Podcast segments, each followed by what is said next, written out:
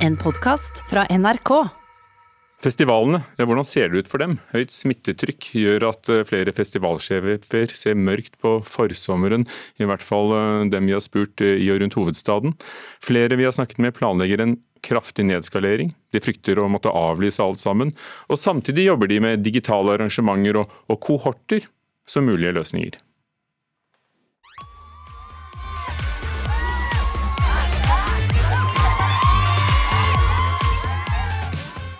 Mange husker Jonas Gahr Støre og Raimond Johansen som danset seg gjennom Oslos gater under Pride-festivalen for snart to år siden. Men heller ikke i år blir det parade under Norges største feiring av skeiv kjærlighet. Det forteller styreleder i Oslo Pride, Fredrik Dreyer. En fysisk parade med 50 000 deltakere er vanskelig å gjennomføre i 2021. Derimot så er det et stort behov for synlige tiltak i bybildet, og eh, vi kommer til å jobbe for digitale alternativer for paraden, eh, samt synlige, synlige virkemidler i hele byen. Med stigende smittetall og full nedstenging er det under tre måneder til forsommerens festivaler. Oslo har hatt de strengeste tiltakene i landet siden starten av pandemien. Lederne for de største Oslo-festivalene i juni forbereder seg nå på både nedskalering og avlysning.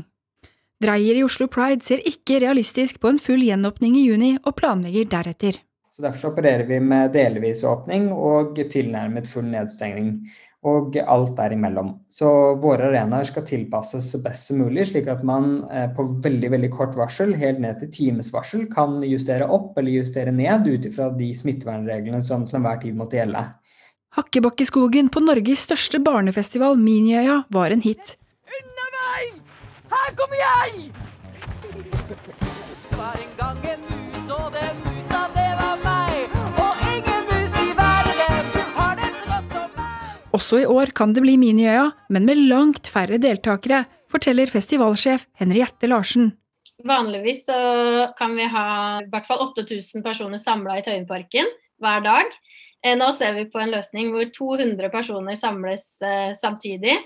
Eh, hvor vi kjører eh, forskjellige bolker. Da, så vi, vi skal ha tre timer per festivalbolk med, med 200 i hver. Barna trenger nå å møte andre og glede seg, mener Larsen. Fordi vi ser at de fysiske møtene, og særlig for barna, er så viktige. og Det er jo derfor vi også har nedskalert festivalen såpass mye. Eh, Det er jo barna som har lidd mest, og kanskje særlig Oslo-barna, eh, som, eh, som har hatt strenge tiltak nå i lang tid.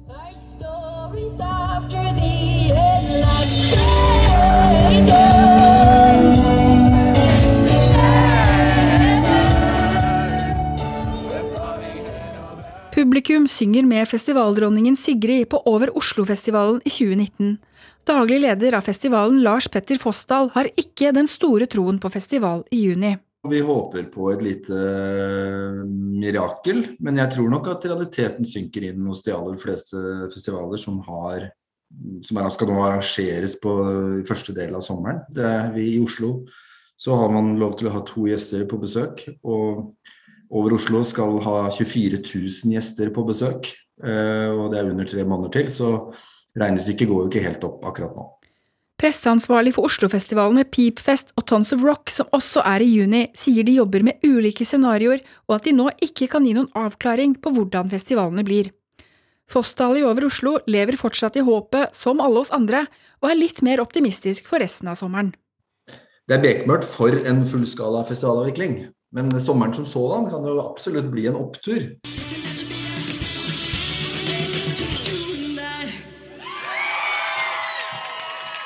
Og reporter var Kristine Hirsti. Toms afrikanske fortellinger har truffet en nerve hos mange i flere år nå, som gjerne vil høre om Afrikas historie, og kanskje få litt bakgrunn for navn og land vi ellers bare kjenner fra nyhetene.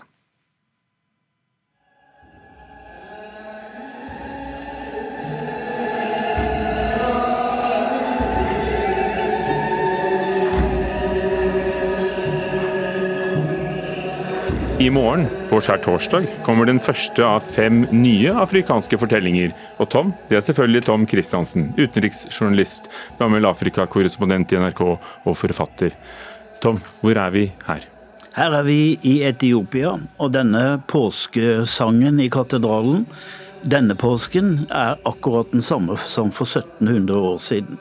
Eh, Etiopia kjenner vi jo som et krigsområde og et konfliktområde og sultområde. Det er et land med en 3000 år lang sivilisasjon. Det begynte med et sidesprang som eh, kong Salomo hadde med dronningen av Saba, så fikk de en sønn, og så ble han keiser. Og 250 keisere seinere, samme rekkefølge det endte jo, men altså Etiopia, det er der jeg begynner denne serien. Så hvilke tanker gjør du deg når du hører om Nord-Tigray, området nord i landet, hvor det er ødelagte flyktningleirer, øh, hvor det er regjeringsstyrker som ikke slipper inn hjelpearbeidere, hvor folk lider?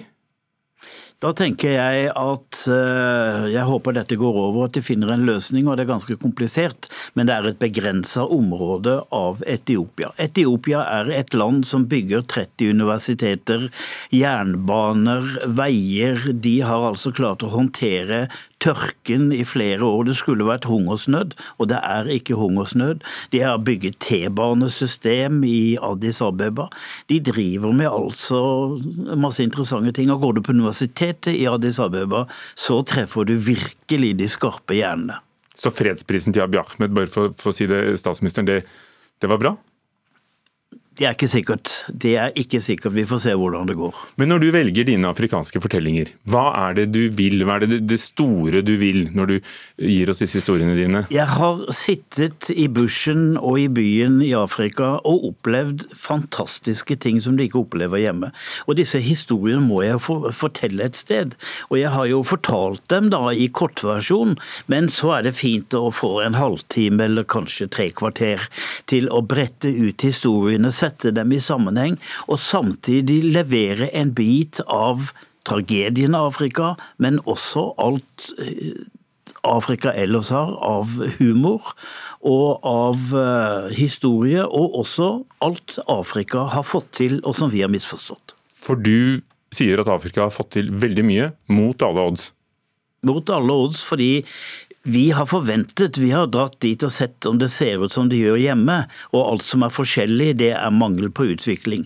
Men Afrika har valgt enklere løsninger, og de har valgt sin egen vei. Eh, I Kenya hadde de VIPS lenge før vi fikk det.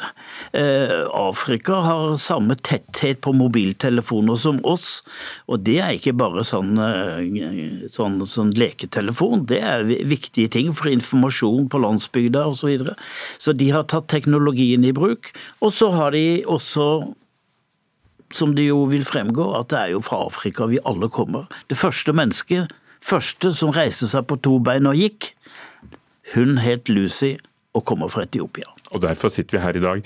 Toms afrikanske fortellinger er da en serie podkaster og radioprogrammer. De sendes i P2 eh, fra og med i morgen klokken 10 og 10, altså klokken 10 om formiddagen og 22 om eh, kvelden. Og så kan du høre dem hele tiden i NRK Radio. Der ligger også to tidligere sesonger. Du sa Etiopia, hvor ellers tar du oss denne gangen?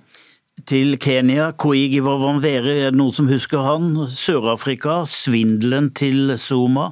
Eh, presidenten, og til Sør-Sudan, som jo har Gud. Og dessuten så stiller jeg spørsmålet fins Gud i Afrika, og er han en kvinne? Og er han svart? Svarer jeg ja. Tom Kristiansen, afrikanske fortellinger, ute i morgen. Takk skal du ha.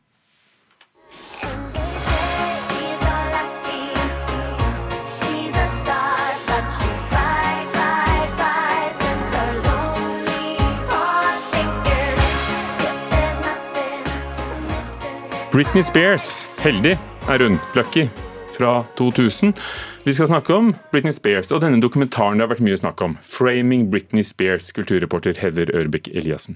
Ja, for det var mye snakk om denne dokumentaren da den kom i februar i år. Altså, eh, det var da eh, New York Times som eh, kom med denne dokumentaren, som handler om at Faren til Britney Spears i stor grad har hatt kontroll over popstjernens liv gjennom et vergemål de siste 15 årene, helt siden 2007.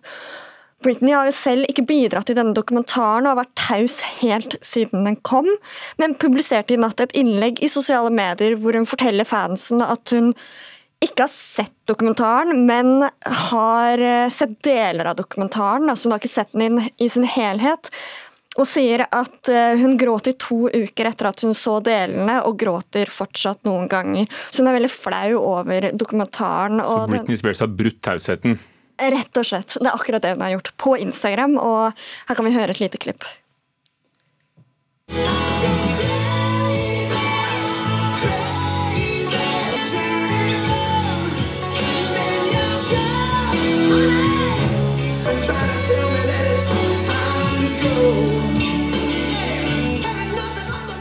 Altså, dette her er jo da en video som ble lagt ut på Instagram, eh, hvor hun danset til låten 'Crazy' av Aerosmith. Så hun, eh, hun la ut eh, denne videoen sammen med denne kommentaren.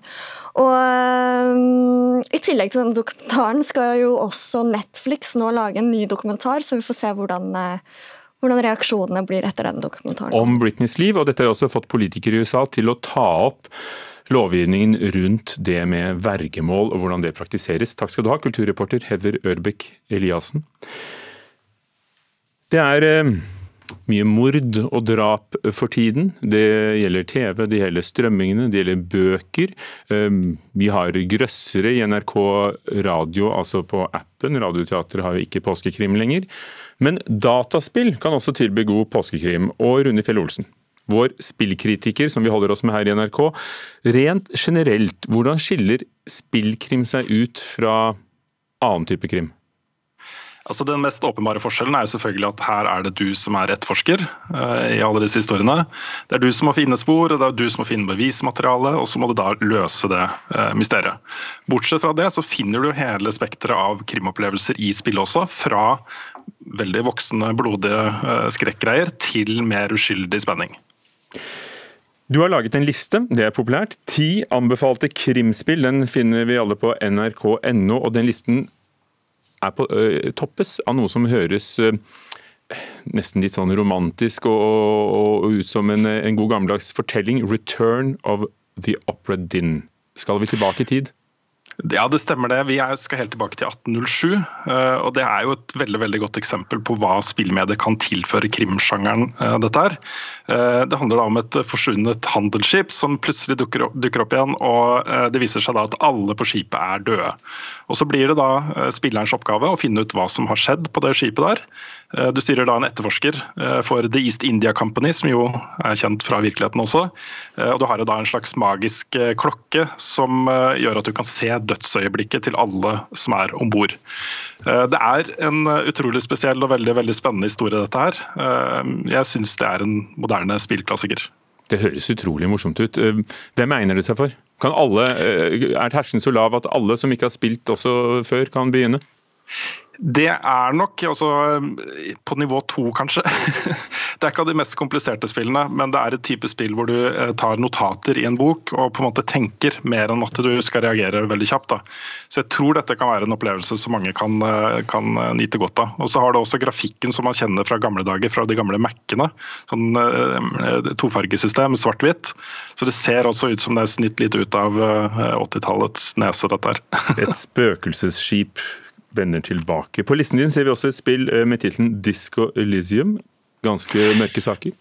Ja, det kommer jo i en final cut-versjon denne uka her. Eh, det er Altså, det blir ikke stort mørkere, syns jeg. Eh, altså, det kommer fra Elysion. eh, og det blir jo på en måte Dette stedet er det rake motsetningen til, til Elysion, som jo var et slags paradis for de beste av oss. Altså de største heltene blant mennesker osv. Uh, her er det da et sånn klassisk forfylla detektiv eh, etterforsker som, eh, som er et høl av et sted. Altså. Eh, Og Det som er veldig flott med det spillet, her er jo manuset. Det er kruttsterkt, veldig veldig voksent, veldig eh, avansert manus. Interaktivt også. Eh, men jeg vil også da understreke at det er et spill som er klart for voksne spillere. Det ble f.eks. ikke klassifisert i Australia pga. innholdet eh, det spillet er. Såpass, ja. Hva har du å, å foreslå for yngre spillere? Ja, Det er jo særlig tre serier da, som blinker seg ut. Eh, Du har eh, Detective Pikachu, eh, du har Phoenix Wright-serien. Men det spillet som jeg har lyst til å trekke fram, først og fremst, er et spill som heter Professor Laton and The Lost Future. Og Det er jo en serie, dette her også. Eh, med flere spill, men dette er eh, det beste, syns jeg. Og Her er, har det en slags sånn britisk Indiana Jones-figur. Han er arkeolog, han er veldig veldig smart og er kjent for å være en av verdens beste til å løse gåter. Eh, Og Her handler det egentlig bare om sånn hjernetrim. Du får puzzles og skal løse de i ditt eget tempo. Du kan få hint hvis du vil. Og når du har løst det, så drives da historien videre. Veldig, veldig bra spillserie. Professor Leiten og Den tapte fremtid. Ti spill anbefaler du Rune Fjell Olsen på nrk.no anmeldelser. Takk for tipsene så langt.